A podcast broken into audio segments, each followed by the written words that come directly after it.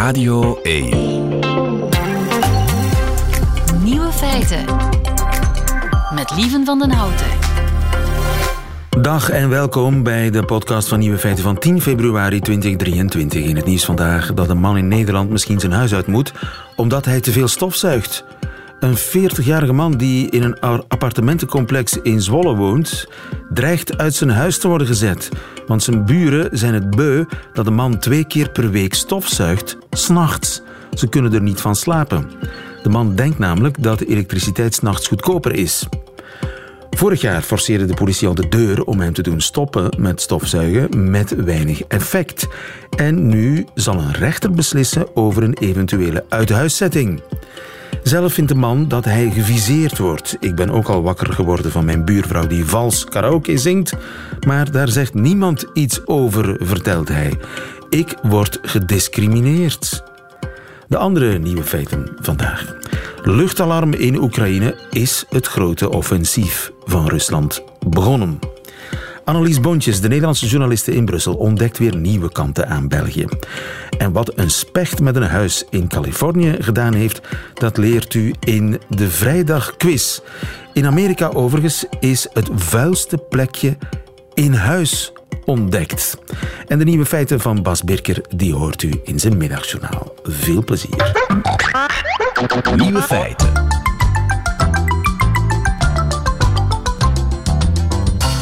Wat is het vuilste plekje in uw keuken? Ik wil me nergens mee moeien, maar in Amerika is dat wetenschappelijk onderzocht waar de meeste bacteriën zitten.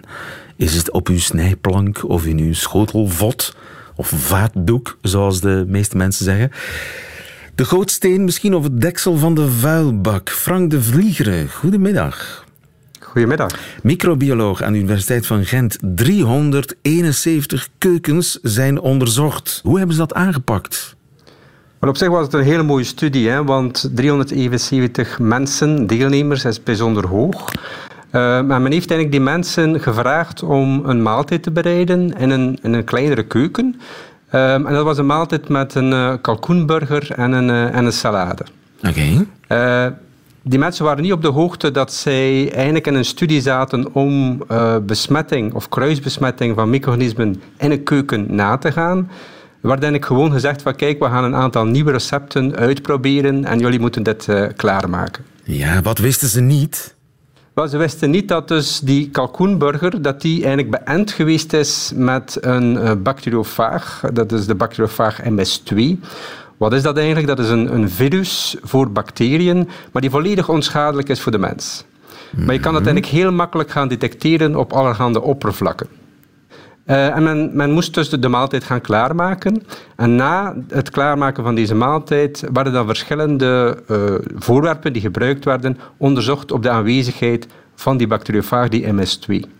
Ja, en? Dus op zoek naar, naar waar zit dat virus ergens? Hoe heeft, heeft die kok dat virus verspreid in zijn keuken? Ja, dat klopt. Hè. Dus uh, het zat oorspronkelijk aanwezig in die kalkoen. Hè, en uiteindelijk heeft het zich verspreid over verschillende voorwerpen, oppervlakten in die keuken. En dat is dan eigenlijk gekwantificeerd geweest. Hè. Waar zitten ze en hoeveel waren daar op, aan, uh, op aanwezig? En heeft die kok uh, achteraf zijn keuken dan schoongemaakt? Ik bedoel, is er afgewassen? Wel, nee, men heeft gevraagd uh, alle voorwerpen eigenlijk ofwel in de gootsteen te plaatsen, ofwel in de vaatwassen te plaatsen, alsof ze dat ook thuis zouden doen. Mhm. Maar uiteindelijk is de afwas en, uh, niet gebeurd, hè, of toch niet door die mensen gebeurd. Goed, en dan kun je eigenlijk een soort ja, uh, top 10 maken, bij wijze van spreken, van waar zitten de meeste virussen? Ja, dat klopt. En eigenlijk verwonderlijk genoeg uh, was het zo dat uh, de meeste virussen zich bevonden op de bakjes voor kruiden, of dus de potjes kruiden, zeg maar zoutvatjes, pepervatjes en dergelijke. De kruidenpotjes? Um, het kruidenrek ja. is het vuilste plekje in uw keuken. Inderdaad, uh, daar waren we eigenlijk niet echt van bewust. Uh, maar het is natuurlijk wel iets dat uh, heel vaak aangeraakt wordt door mensen die aan het koken zijn, die misschien eerst met het vlees in aanraking gekomen zijn en dan automatisch ook kruid, het kruidenpotje gaan nemen, het, het zoutvatje gaan nemen en dit eigenlijk gaan gebruiken. En uiteindelijk is het wel logisch dat daar dan ook micronismen op terechtkomen. Ja, maar ik zou eerder zeggen, ja, de deksel van de vuilbak of, of het, het zeeppompje of de, de, ja, de, de vaatdoek natuurlijk, hè? Ja, het is wel zeker zo dat ook die dingen uh, besmet waren, hè, maar het meest in die, uh, dat kruidvatje. Ja, en wat, wat staat er op twee eigenlijk? Op de, op de tweede plaats uh, stond uh, het zeeppompje. Hè? Uh, en, en, ook bijna gelijk met het handvat van de pan die gebruikt werd om dus die kalkoen te braden. Ja. en dan pas eigenlijk de vaatdoeken en, en de sponsjes. Dat is raar, hè? want daar zou je de meeste virussen verwachten. Op zich verwacht je dat wel, maar het is wel zo dat het niet zo evident is om die virussen te gaan detecteren in die vaatdoeken en die sponsen. En het is eigenlijk ook zo dat, waarom is een vaatdoek en een spons inderdaad op zich een bron van bacteriën? Omdat die heel lang gebruikt worden. Uh, of veel te lang vaak. Hè? Uh, en dan is het zo dat er is ook water aanwezig en micronismen kunnen dan beginnen vermenigvuldigen. Uh, vandaar dat een vaatdoek en een spons over het algemeen wel heel zwaar besmet kan zijn. Ja. In deze studie waren dat verse vaatdoeken en verse sponsjes. Oké, goed, dus dat geeft een beetje een vertekend beeld, maar we moeten toch concluderen dat de dingen die je nooit, waarvan je nooit denkt, die zijn echt smerig, die zijn ook smerig, namelijk het kruidenrekje en het zeepompje. Ja, klopt inderdaad. En op zich is het wel logisch want men gaat het normaal niet zo vaak gaan afwassen of desinfecteren. Hè. Uh, als ik ook zelf even kijk, ja, dat is nu niet iets waar ik aan denk om de kruiden, het kruiden of het zoutvatje echt te gaan uh, ontsmetten. Maar eigenlijk moeten we dat dus wel doen. Dat is de, het belangrijkste besluit van deze studie. Ja, klopt. Dus op die, op die zaken zoals kruid, uh, kruidenpotje, een zeepompje, het handvat van de pan, ja, dat zijn zaken dat je toch moet aandacht aan besteden. Nu, het handvat van de pan is iets dat je automatisch gaat gaan afwassen. Hè, dus dat is op zich geen probleem. Een zeepompje, hè, een, een, een zoutvatje, dat ga je niet zo automatisch gaan doen. Dus daar moet je wel aandacht aan besteden. Ja, ze lijken onschuldig, maar ze zijn het niet. Frank de Vlieger, dankjewel. Uh, microbioloog aan de Universiteit van Gent. Dankjewel. Goedemiddag. Tot uw dienst. Nieuwe feiten.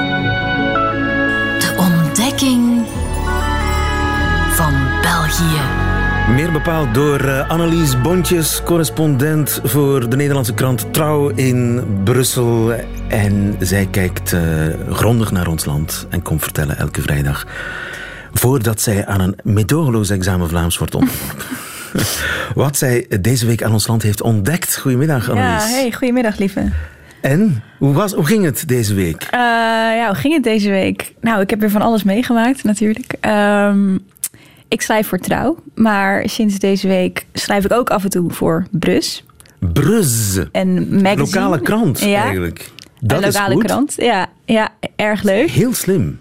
Ja, uh, en dat is heel leuk, maar omdat ik daar begon, kreeg ik een laptop. Want wow. je moet dan in allerlei systemen kunnen. Gloednieuwe laptop. Ja, dus dat was allemaal heel leuk. Dus die klap ik open en ik begin te typen. En uh, ja, toen ging het mis. Hè? Ja, nou, toen ontdekte ik dus weer iets. Zeg maar, ja, de Engelsen die rijden links. En jullie hebben je Azerty toetsenbord. Ja, wat is dat nou weer voor iets raars? Ja, tuurlijk. ja. Azerty, ja, wij tikken Azerty. Ja, en jullie, jullie mee. Qwerty. Qwerty, ja, zoals de rest van de wereld ongeveer. Behalve de francofonen. Ja, ja, toen dacht ik, wat moet ik met dit toetsenbord? Dus daar ben ik even ingedoken om te begrijpen waarom jullie zo'n raar toetsenbord hebben. Weet jij dat? Dat is namelijk best een leuk verhaal eigenlijk. Oh nee, ik ging er altijd vanuit dat het uh, pour les Flamands la même chose is geweest destijds toen daarover beslist is. Uh, dat is deels waar, ja. Um, het begon in de 19e eeuw, een klein stukje geschiedenis, met de Amerikaan Christopher Scholes. Dat is de uitvinder van de typemachine. En die had aanvankelijk een toetsenbord gemaakt met waarbij alle letters op alfabetische volgorde stonden, dus A, B, C, D, E. Maar toen ging je een brief typen en toen kwam je er al snel achter dat dat niet werkt. Want bijvoorbeeld als je dan hi wil schrijven, HI zit naast elkaar, AB, dus die combinatie gebruik je ook vaak. Dat was allemaal niet handig. Dus hij dacht, ik moet het anders doen. En toen uh, was dat de geboorte van het QWERTY-toetsenbord. Maar de Fransen die vonden dat maar niks. Want, uh, Allee, cedilles en accent grave, accent, grave, accent, accent aigu. Ja, dus die wilden hun eigen... Circonflex. Heel goed, ja. Dus die wilden een eigen seur, die O en die E. Uh, dat is dan ook apart toetsje en zo. Dus toen hebben zij een eigen toetsenbord uh, begin 20e eeuw uh, uitgevonden. En uh, ja, omdat Frans de overheersende taal was toen hier, is dat zo gebleven. Maar eigenlijk, ja, eigenlijk zouden ze in Vlaanderen een QWERTY-toetsenbord moeten gebruiken. En dan in Wallonië een, een AZERTY-toetsenbord, dacht ik. Maar dat is ja, markttechnisch een beetje ingewikkeld. Ja. Ja, om en we iets- zijn het ja. gewoon nu. Ja, dus dat is eigenlijk, eigenlijk is het heel goed, want dat overstijgt de taalgrens blijkbaar, jullie toetsenbord. Oké, toetsenbord. Je hebt Ja. ontdekt dat wij eh Azerty gebruiken. Ja. En, en lukt het al een beetje met het Azerty? Eh, nee.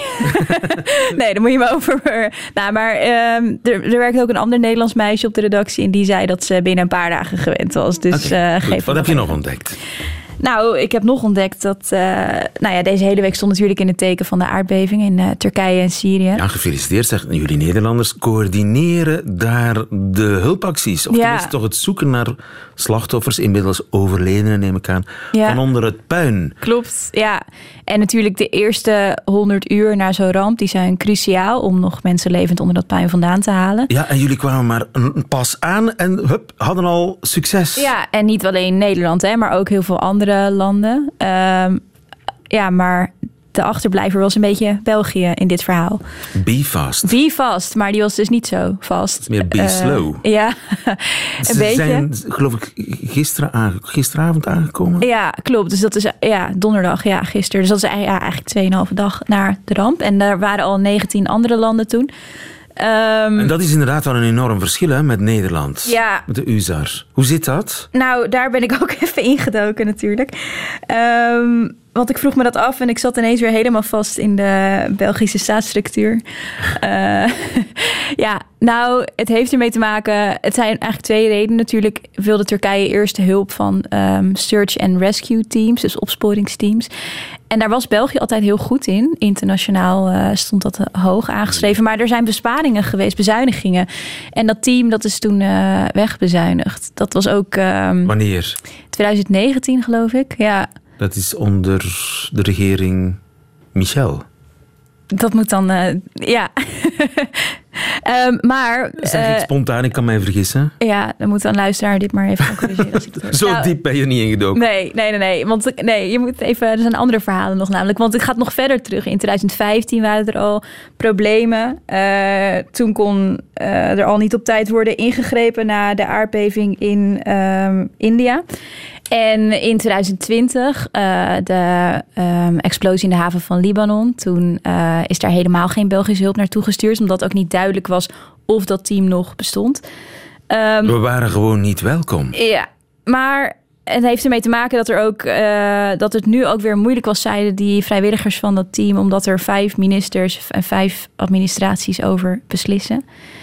Maar Over elke uitplooi, elke uitrol, elke Ja. actie, daar moeten hoeveel ministers over beslissen? Vijf. Ja. Maar het is niet alleen maar negatief, want, die, ja, dus die, want dat wil ik ook wel echt zeggen. Want België verleent dus wel eh, medische hulp. En dat is natuurlijk ook heel belangrijk. Er is nu een veldhospitaal wat wordt opgericht. En daar kunnen 100 mensen per dag worden geholpen. Dus het, ja, het mandaat is gewoon veranderd. Eerst was het vooral opsporen en nu eh, is het meer medische hulp. Maar, En die is ook nodig natuurlijk. en die is ook nodig.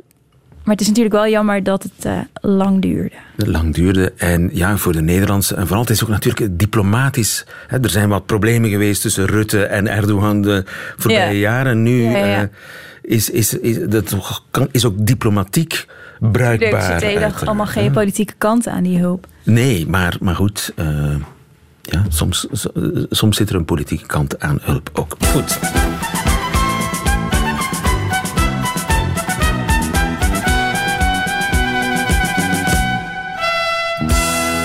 Examen Vlaams. Dus even checken hoe het met jouw Vlaams gesteld is. Het gaat elke week beter. Moet ik tot mijn eh, grote genoegen Ja? eh, je vast... dat? vind ik wel, ja. Nu, een paar woorden die ik de voorbije dagen eh, in de media en de krant ben tegengekomen. Kastaar.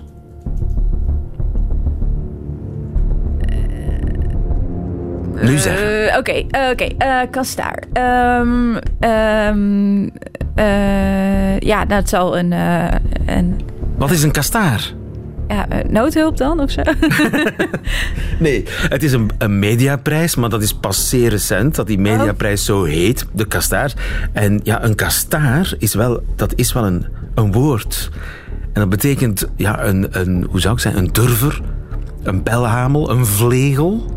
Jij bent een kastaar, hè? Oh, oké. dus dat is niet goed als je die prijs eh, krijgt. Ja, het is ook een soort eer, geuzennaam, zeg maar. Oké. Kastaar.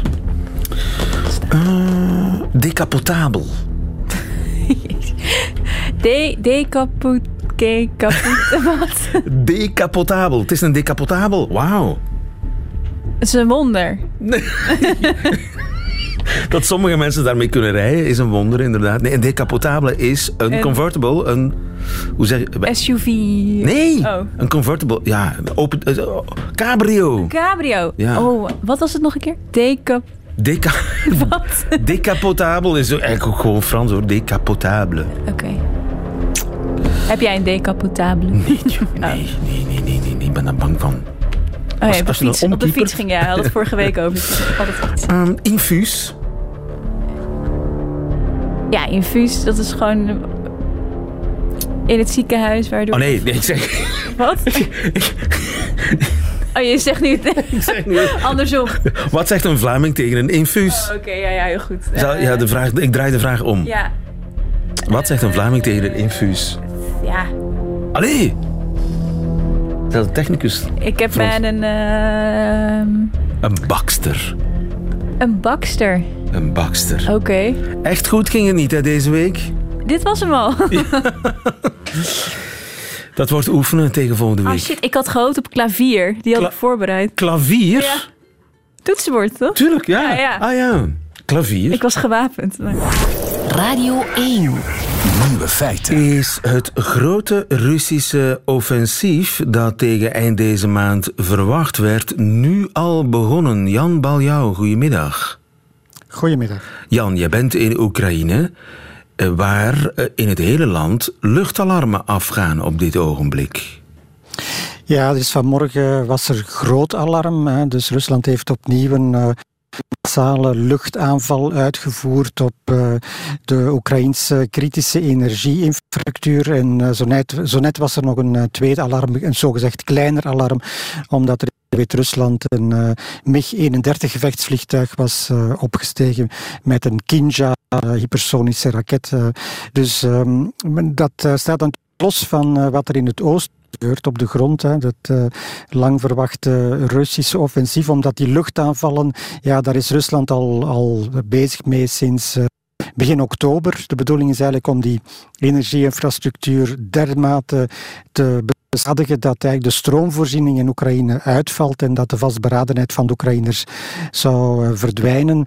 Maar eh, tot nu toe is Rusland daar niet geslaagd en het lijkt ook dat het vandaag niet gelukt is om, om die eh, stroomvoorziening, die infrastructuur, een eh, definitieve slag toe te brengen. Want eh, er zijn wel hier en daar stroomonderbrekingen, eh, maar er zijn ook heel veel kruisraketten uit, de lucht gehaald. Ja. En dat grondoffensief, hoe zit het daarmee in het oosten? Is dat ook op gang gekomen? Ja, dat lijkt wel zo. Dat eh, wordt toch gezegd, vooral dan door Oekraïnse ook door onafhankelijke experts, die zeggen dat eh, ja, in ieder geval het initiatief eh, veranderd. Hè. De Oekraïners hadden het initiatief tot, laten we zeggen, eind dit jaar. En sinds ehm, ja, enkele weken hebben de Russen dat initiatief overgenomen. Ehm, het is nog niet zo dat er een massale aanval is op de Oekraïnse linies. Het zijn meer eh, prikacties eh, om te zien waar die Oekraïnse linies zwak zijn. eh, voor het geval dat de Russen zouden overgaan tot een massale aanval. Die zal zich vooral afspelen in het oosten. We weten dat er rond Bakhmut wordt er al een tijd hevig gevochten.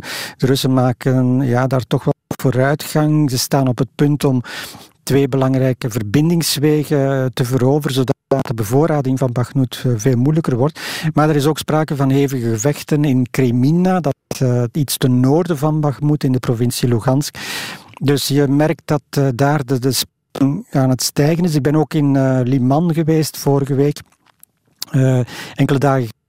En ja, daar, merkt, daar merk je toch ook als je praat met de militairen dat de gevechten toe. Een weg bijvoorbeeld waar we nog een week geleden over kon rijden, die was nu afgesloten omdat uh, ja, te gevaarlijk was. Ja, uh, maar komt er dan, want je spreekt over prikacties, dus het, het grote geweld, dat moet nog komen.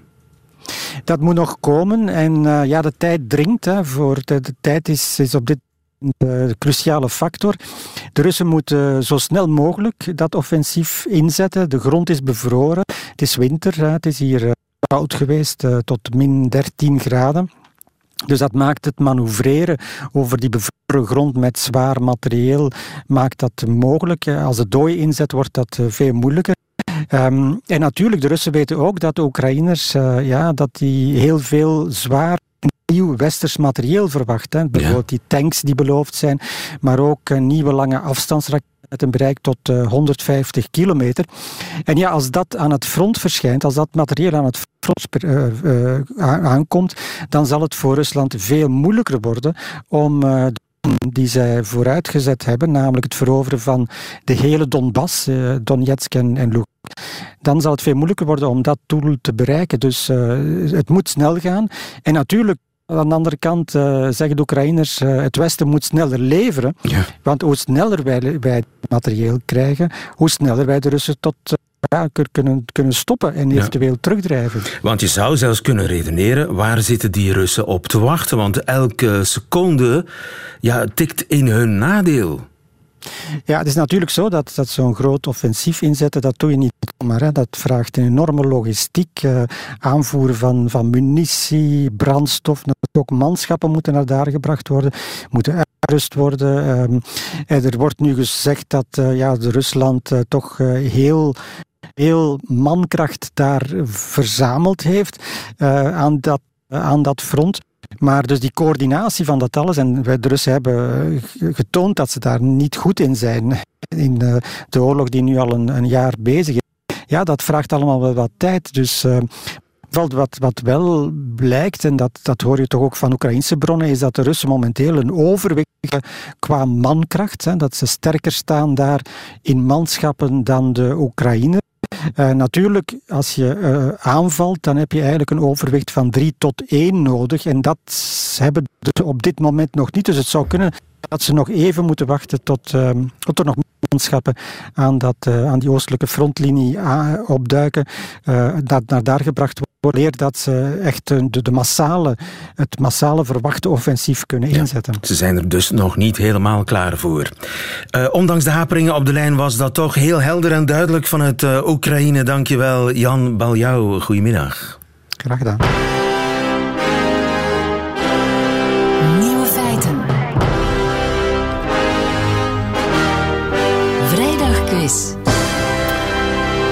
Ja, onze vriend uh, Gilles Wijkmans is komen aanschuiven en u weet wat dat betekent, dat wij gaan quizzen, want die quiz heeft hij namelijk samengesteld. We spelen voor een boekenbon van 25 euro, een bon die in te ruilen valt bij een boekhandelaar, aangesloten bij Confituur. We spelen met Patrick. Goedemiddag, Patrick.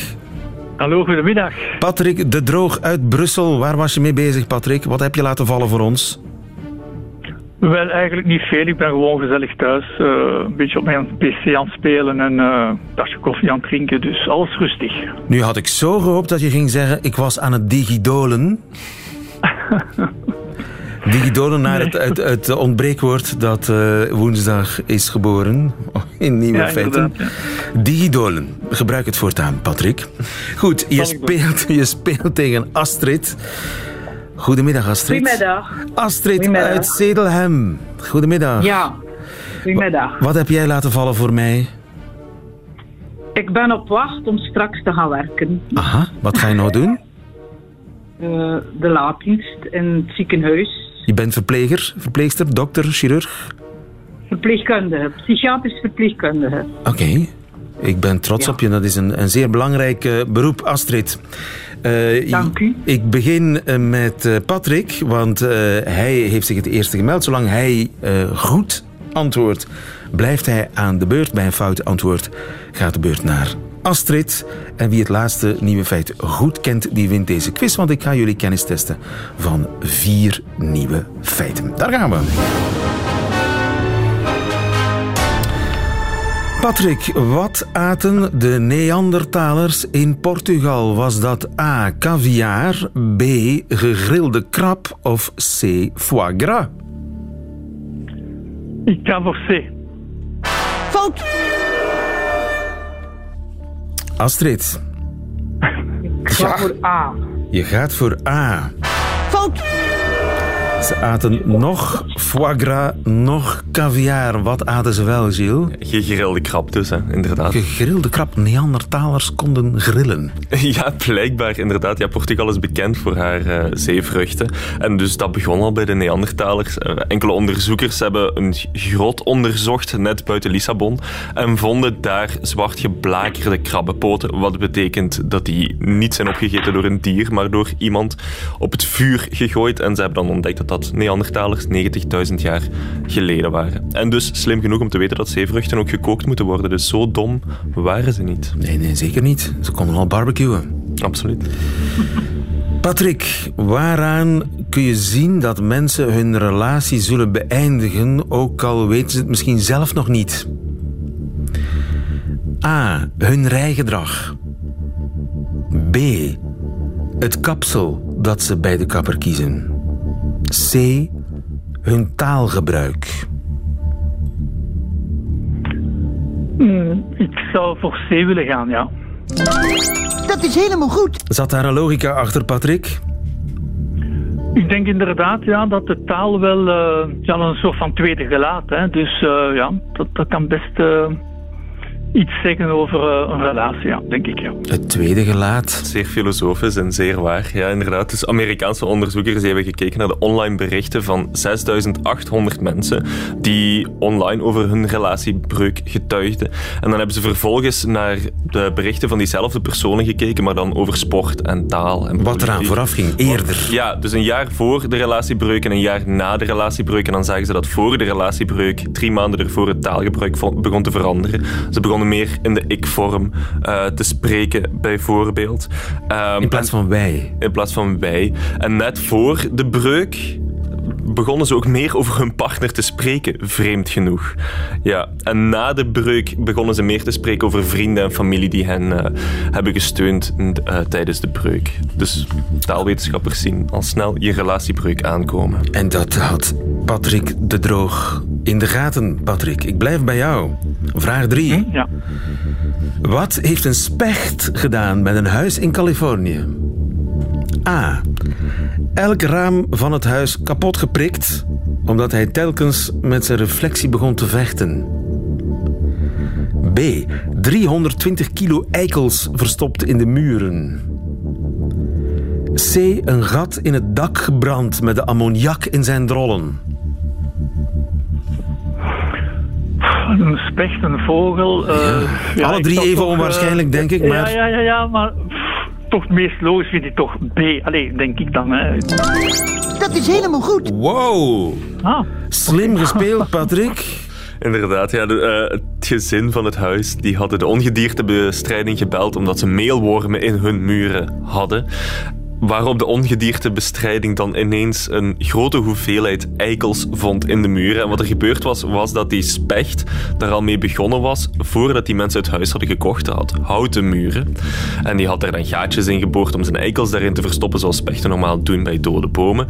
Maar die vorige eigenaar had dan de, de muren dichtgemaakt, waarop de specht dan naar de eikels in de schouw begon te komen. en op een bepaald moment kwamen daar dus tienduizenden eikels, oftewel 320 kilo aan eikels uit die muren gevlogen. Ja, wat een, een houten huis natuurlijk. Ja, dat, was, dat had een tip kunnen zijn. Maar goed, uh, vraag 4, slotvraag voor Patrick. Als je ook deze goed hebt, dan win je doodgewoon deze quiz.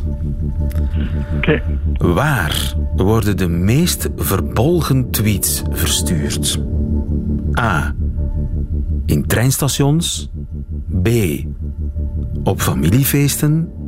C op de wc. Oef. Astrid, je bent er ja, nog, hè? Want uh, Patrick ja, ja, ja, hier walst over je heen. Ja. Ik ben er nog, ik ga op het station. Dat is helemaal goed. Ah. Het is gebeurd, om het met de woorden van mijn illustere collega te zeggen. Gilles, op, eh, in treinstations. Ja, dus 2 miljoen tweets werden geanalyseerd door de onderzoekers die dit concluderen. Ze hebben dan ook gekeken waar werden die tweets verstuurd en vervolgens die tweets ook geanalyseerd uh, van de emotie die ze uitstuurden. Um, en dan zagen ze dat de meeste verbolgen tweets dus inderdaad op plekken werden verstuurd die te maken hebben met transport, treinstations, bruggen bijvoorbeeld. En vreugdevollere tweets komen dan weer vanuit een restaurant of een hotel. Ja, oké. Treurige plek, kennelijk een treinstation. Uh, en dat betekent uiteraard dat wij een winnaar hebben.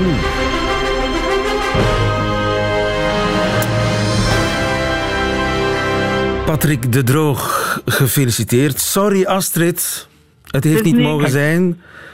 Niet erg. Maar je kan altijd nog eens proberen mee te doen. En uh, ik uh, wens je veel uh, ja, werkplezier, toch? Straks ja, als je de, de, de, avonddienst gaat doen als psychiatrisch verpleegkundige. Astrid, dankjewel. Patrick, weet je al welk boek je gaat kopen met je bon van 25 euro? Mm, Nee, dat weet ik niet. Ik zal een keer rondneuzen. Nee, dat kan ik nu nog niet zeggen. Wordt het fictie, poëzie, non-fictie? Uh, ja, poëzie misschien. Zo'n beetje. Poëzie. Poëzie. Ja, ja. Er is, Ja. er is een, een Nederlandse poëet die op eh, zeer kwalijke wijze in de aandacht is geweest. Eh, hoe heet je ook alweer, Gilles? Jij weet het toch, Pim Lammers? Uh, ik, ik ben Ja, valt uit de door deze vraag.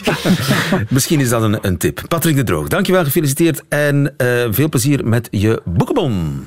En volgende week is er weer een meedogenloze vrijdagquiz. Nieuwe feiten. Dat waren ze, de nieuwe feiten van 10 februari 2023. Alleen nog die van Bas Birker, die krijgt u nu in zijn middagjournaal. Nieuwe feiten. Middagjournaal.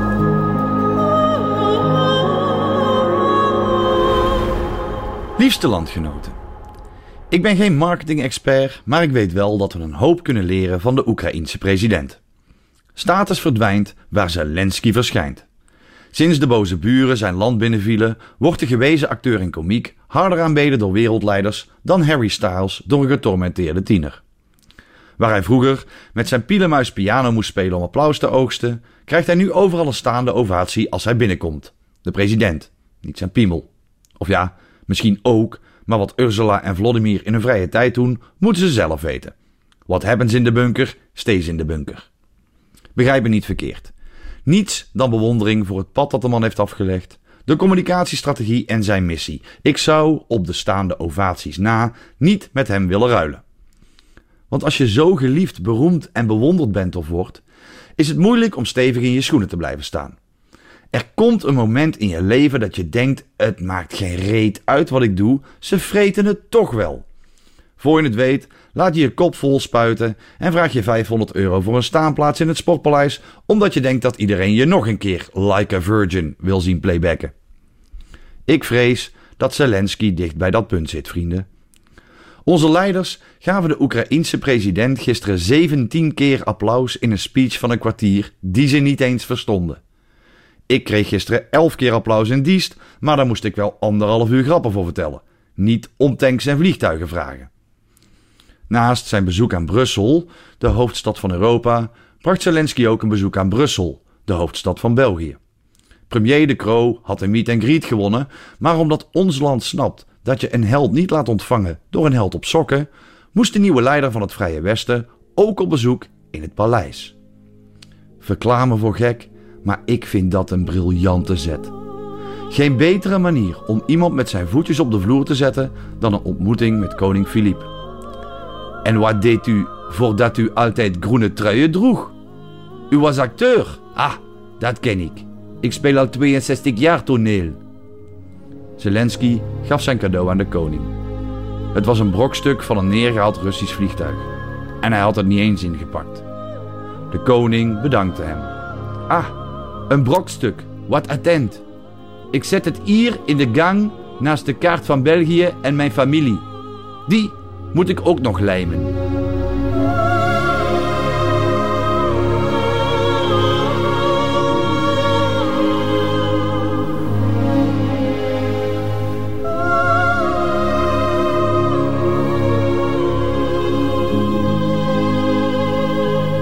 Middagjournaal van Bas Birker. Einde van deze podcast. Hoort u liever de volledige nieuwe feiten met de muziek erbij?